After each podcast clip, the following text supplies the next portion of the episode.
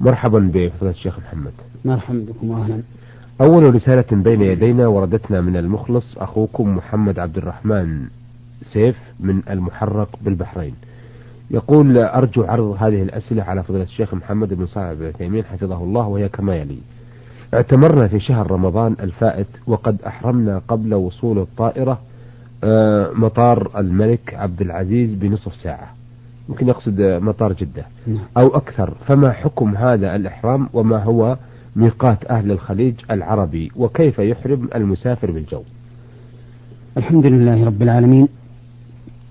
وبعد فإن الجواب على هذا السؤال نقدم قبله مقدمة وهي أنه ينبغي للإنسان إذا أراد أن يعمل عبادة أن يفهم أحكامها أولا نعم. قبل أن يتلبس بها لئلا يقع في محظور منها أو في ترك واجب. لأن هذا هو الذي أمر الله به. فاعلم أنه لا إله إلا الله واستغفر لذنبك. فبدأ بالعلم قبل العمل. اعلم واستغفر. ثم إن هذا هو الطريق هو الواقع النظري العقلي. أن يعرف الإنسان طريق البلد قبل أن يسير عليه. نعم. ولا يختص هذا بالحج والعمرة اللذين يجهل كثير من الناس أحكامهما بل يتناول جميع العبادات. أن لا يدخل الإنسان فيها حتى يعرف ما يجب فيها وما يمنع وما يمنع. وأما بالنسبة لما ذكره الأخ السائل فإن الإحرام قبل وصول مطار الملك عبد العزيز الذي هو مطار جدة الجديد بنصف ساعة يبدو أنه إحرام صحيح لأن المواقيت لا نظن أنها تتجاوز نصف ساعة في الطائرة من مطار جدة وعلى هذا فيكون إحرامهم بالعمرة قبل وصول المطار بنصف ساعة إحراما صحيحا آه، ليس فيه شيء إن شاء الله نعم. وأما بالنسبة لميقات أهل الخليج فإن ميقات أهل الخليج هو ميقات غيرهم.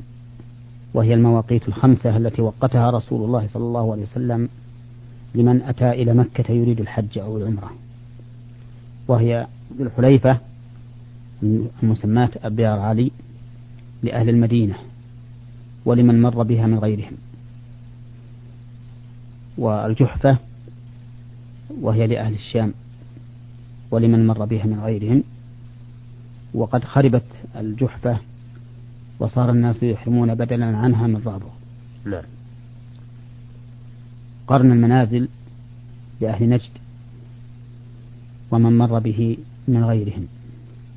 يلملم لأهل اليمن ومن مر بها من غيرهم.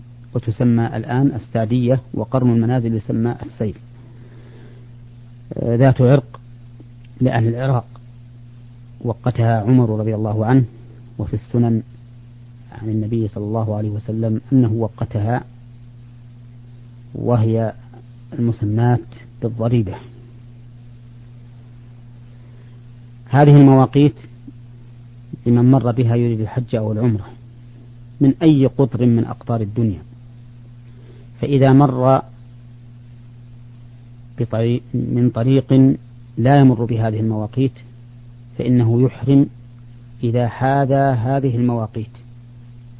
لأن عمر رضي الله عنه أتاه أهل العراق وقالوا يا أمير المؤمنين إن النبي صلى الله عليه وسلم وقت لأهل نجد قرن قرنا وإنها جور عن طريقنا يعني مائلة عن طريقنا. نعم.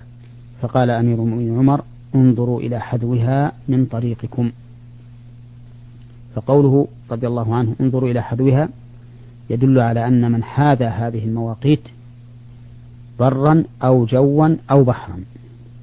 وجب عليه أن يحرم. فإذا هذا أقرب ميقات له وجب عليه الإحرام. نعم. والظاهر لي أن آه، طرق الخليج الجوية أنها تمر من محاذاة قرن المنازل هو أقرب المواقيت إليها. وإذا لم يكن ظني هذا صحيحا فليسأل قائد الطائرة أين يكون طريقها؟ فإذا علم أنه هذا أقرب ميقات إليه وجب عليه الإحرام منه. ولا يجوز لأهل الخليج ولا لغيرهم أن يؤخروا الإحرام حتى ينزلوا إلى جدة. فإن هذا وإن قال به من قال من الناس فهو قول ضعيف لا يعول عليه. وما ذكرناه عن عمر بن الخطاب رضي الله عنه وهو أحد الخلفاء الراشدين الذين أمرنا باتباعهم يدل على بطلان هذا القول. وإلا من وصل إلى جد جدة قبل أن يحاذي ميقاتا مثل أهل سواكن في السودان. نعم. فإن أهل العلم يقولون إنهم يصلون إلى جدة قبل أن يحاذوا رابقا أو يلملم لأن جدة في زاوية بالنسبة لهذين الميقاتين. وعلى هذا فيحرم أهل سواكن ومن جاء من هذه الناحية يحرمون من جدة لأنها تبعد عن مكة مسيرة يومين. نعم, نعم. آه أيضا يقول آه وكيف يحرم المسافر بالجو؟ آه يحرم المسافر بالجو كما ذكرنا قريبا. نعم. أي إذا حاذ الميقات يحرم ولكن كيف يصنع قبل إحرامه؟ نعم. نقول ينبغي له أن يغتسل في بيته وأن يلبس ثياب الإحرام سواء في بيته أو في الطائرة إذا حينما تستقل به الطائرة نعم. وإذا بقي عليه على مطار آه، جدة نحو نصف ساعة فليحرم يعني فليلبي نعم. وليقل لبيك عمرة إن كان محرما بعمرة أو لبيك حجا إن كان محرما بحج نعم نعم. آه سؤاله الثاني يقول أقرأ هذا الدعاء في كل صلاة قبل السلام وهو اللهم إنا نعوذ بك من عذاب القبر ومن فتنة المحيا والممات ومن فتنة المسيح الدجال. أريد أن أعرف من هو المسيح الدجال وما هي فتنته؟ هذا الدعاء الذي أنت تدعو به في صلاتك بقي عليك شيء وهو أنك تستعيذ من أربع كما أمر بذلك النبي صلى الله عليه وسلم إذا تشهد أحدكم فليستعذ بالله من أربع أعوذ بالله من عذاب جهنم ومن عذاب القبر ومن فتنة المحيا والممات ومن فتنة المسيح الدجال نعم.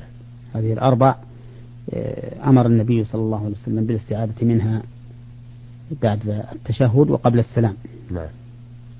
أما المسيح الدجال فإنه رجل يخرج في آخر الزمان يدعي الربوبية ويعطيه الله تبارك وتعالى من الآيات ما يكون سببا للفتنة امتحانا من الله تعالى واختبارا. هذا الرجل رجل أعوى أعور ولهذا سمي المسيح لمسح إحدى عينيه وهو معه جنة ونار. فمن أطاعه أدخله الجنة ولكنه لا يجد جنة وإنما يجد نارا. لا. ومن عصاه أدخله النار التي معه ولكنه لا يجدها نارا وإنما يجدها ماء عذبا طيبا. لا. أو جنة كما ورد في بعض ألفاظ الحديث. ويمكث في الأرض أربعين يوما. اليوم الأول بمقدار سنة والثاني بمقدار شهر والثالث بمقدار أسبوع. وبقية الأيام كأيامنا. وقد سأل الصحابة رضي الله عنهم رسول الله صلى الله عليه وسلم عن هذا اليوم الذي كسنة هل تكفي فيه صلاة واحدة؟ فقال رسول الله صلى الله عليه وسلم لا اقدروا له قدره. أي أن هذا اليوم الأول من أيام الدجال يصلى فيه صلاة سنة كاملة. نعم. لأنه عن سنة كاملة. واليوم الثاني يصلى فيه صلاة شهر. واليوم الثالث يصلى فيه صلاة أسبوع وبقية الأيام تصلى في كل يوم خمس صلوات. ثم إن هذا الدجال ما ما مع ما يحصل من فتنته العظيمة يوفق يوفق الله سبحانه وتعالى يوفق الله سبحانه وتعالى المؤمنين فيعرفونه بعلامته فإنه مكتوب بين عينيه كافر. كاف وفاء وراء يقرأها كل مؤمن الكاتب وغير الكاتب. ويعمى عنها من ليس بمؤمن ولو كان قارئا. نعم. ثم إنه أيضا يؤتى إليه برجل آه، ليفتتن به. فيقول هذا الرجل أشهد أنك الدجال الذي أخبرنا عنك رسول الله صلى الله عليه وسلم. فيقطعه قطعتين الدجال. رمية غرض. ثم يمشي بينهما. ثم يقف فيدعوه. يدعو هذا الرجل المقتول المفرق قطعتين فيقوم هذا الرجل حيا والناس ينظرون إليه. فيقول له أتشهد أن الله فيقول أشهد أنك الدجال. الذي أخبرنا عنك رسول الله صلى الله عليه وسلم. فيقطعه مرة أخرى ثم يعود فيدعوه فيقوم ويقول أشهد أنك أنت الدجال الذي أخبرنا عنك رسول الله صلى الله عليه وسلم. فيريد أن يقتله كما قتله بالمرتين الأوليين ولكنه يعجز عنه. فيأخذ به ويلقيه في النار ولكنه كما أسلفنا النار التي معه جنة وماء عذب كما جاء به الحديث عن رسول الله صلى الله عليه وسلم. ونهاية هذا الدجال أن عيسى بن مريم عليه الصلاة والسلام ينزل من السماء لأن عيسى بن مريم قد رفعه الله تعالى إلى السماء. حيا لم يمت. ثم ينزل في آخر الزمان فيقتل هذا المسيح الدجال وتنتهي فتنته. أيضا لديه سؤال يقول قرأت في أحد الكتب أو كتب الفقه بأن محل سجود السهو الأفضل للزيادة في عدد الركعات بعد السلام فهل معنى ذلك أن يسلم التسليمتين ثم يسجد سجود السهو ثم يسلم تسليمتين مرة أخرى؟ نعم. آه هو كما قرأت إذا كان سبب سجود السهو زيادة في الصلاة فإنه يسجد بعد السلام. فإنه كما ثبت عن رسول الله صلى الله عليه وسلم من حديث ابن مسعود رضي الله عنه أن النبي صلى الله عليه وسلم صلى الظهر خمسا فلما سلم وانفتل قيل له أزيد في الصلاة؟ قال وما ذاك؟ قالوا صليت خمسا. فانصرف إلى القبلة صلى الله عليه وسلم وثنى رجليه وسجد سجدتين ثم سلم. فهذه الزيادة القولي الفعلية. نعم. سجد فيها رسول الله صلى الله عليه وسلم بعد السلام. والزيادة القولية كذلك سجد فيها بعد السلام. فقد ثبت في الصحيحين من حديث أبي هريرة أن رسول الله صلى الله عليه وسلم صلى بهم إحدى صلاتي العشاء العشي أو الظهر أو العصر. فسلم من ركعتين. ثم ذكروه فصلى ما بقي من صلاته ثم سلم ثم سجد سجدتين ثم سلم. وهذه زيادة قولية لأنه زاد السلام في أثناء الصلاة. والسلام آه، ركن قولي. فهذا من حيث الدليل أن سجود السهو للزيادة يكون بعد السلام. من حيث النظر والقياس أنه أن مكانه بعد السلام أنسب لئلا يجتمع في الصلاة زيادتان الزيادة والسجود. نعم. فكان من الحكمة أن يكون السجود بعد السلام لا قبل السلام. نعم. فعلى هذا تسلم تسليمتين ثم ترجع يعني تسجد سجدتين ثم تسلم. نعم. كما فعل رسول الله صلى الله عليه وسلم. نعم. لكن هل يلزم التشهد بعد السجود السهو؟ الصحيح أنه لا يلزم. صحيح أنه لا يلزم. نعم. لأن التشهد قد انتهى في مع الصلاة. إذا يسجد سجدة السهو ثم يسلم مباشرة. نعم. يقول أيضا وللنقص في عدد الركعات قبل السلام. هل ذلك صحيح أم لا؟ لا هذا ليس بصحيح. لأن النقص في عدد الركعات زيادة في الحقيقة. فإنك إذا سلمت قبل تمام الصلاة وجب عليك أن تأتي بالركعة الناقصة. لا. وجب عليك أن تأتي بالركعة الناقصة. وإذا أتيت بالركعة الناقصة صارت النتيجة أنك زدت في الصلاة. زيادة قولية وهي السلام الذي سلمته في أثناء الصلاة. نعم. في غير محله فعلى هذا يكون إذا كان السجود لنقص ركعة في الصلاة يكون محله بعد السلام لأنك لا بد أن تأتي بهذه الركعة الناقصة نعم. ولكن السجود للنقص بعد الس... قبل السلام هذا صحيح السجود للنقص قبل السلام لكن نعم. لا لنقص ركعة لأن نقص الركعة لا يتصور إذ أن من نقص ركعة لا بد أن يأتي بها لكن يتصور النقص فيما إذا ترك واجبا من واجبات الصلاة. مثل أن ترك التشهد الأول قام في الثلاثية أو الرباعية ولم يتشهد التشهد الأول فإنه لا يأتي به. نعم. ولكن يسجد سجدتين قبل السلام. من أجل هذا النقص كما ثبت ذلك عن رسول الله صلى الله عليه وسلم أنه قام عن التشهد الأول فلما قضى الصلاة وانتظر الناس تسليمه سجد سجدتين ثم سلم. نعم. فسجد قبل السلام. والنظر أيضا موافق لهذا فإن النقص نقص ينبغي أن يجبره الإنسان قبل أن تتم قبل أن يخرج من صلاته. فلهذا كان موضع كان موضعه قبل السلام. نعم. أيضا يقول ما حكم من نسي قول الله أكبر أو سمع الله لمن حمده وهل يسجد سجود السهو؟ وكذلك من نسي قراءة أم الكتاب فاتحة الكتاب أرجو إفادتنا عن ذلك. من نسي قول الله أكبر إذا كان هذ إذا كانت هذه تكبيرة الإحرام فإن صلاته لم تنعقد. نعم. ويجب عليه أن يستأنف الصلاة من جديد ويكبر الإحرام نعم.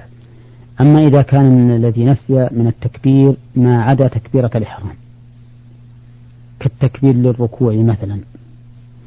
فإن هذا نقص واجب يجب عليه سجود السهو ويكون محله قبل السلام. وكذلك إذا نسي أن يقول سمع الله لمن حمده فإنه نقص واجب يسجد له قبل السلام.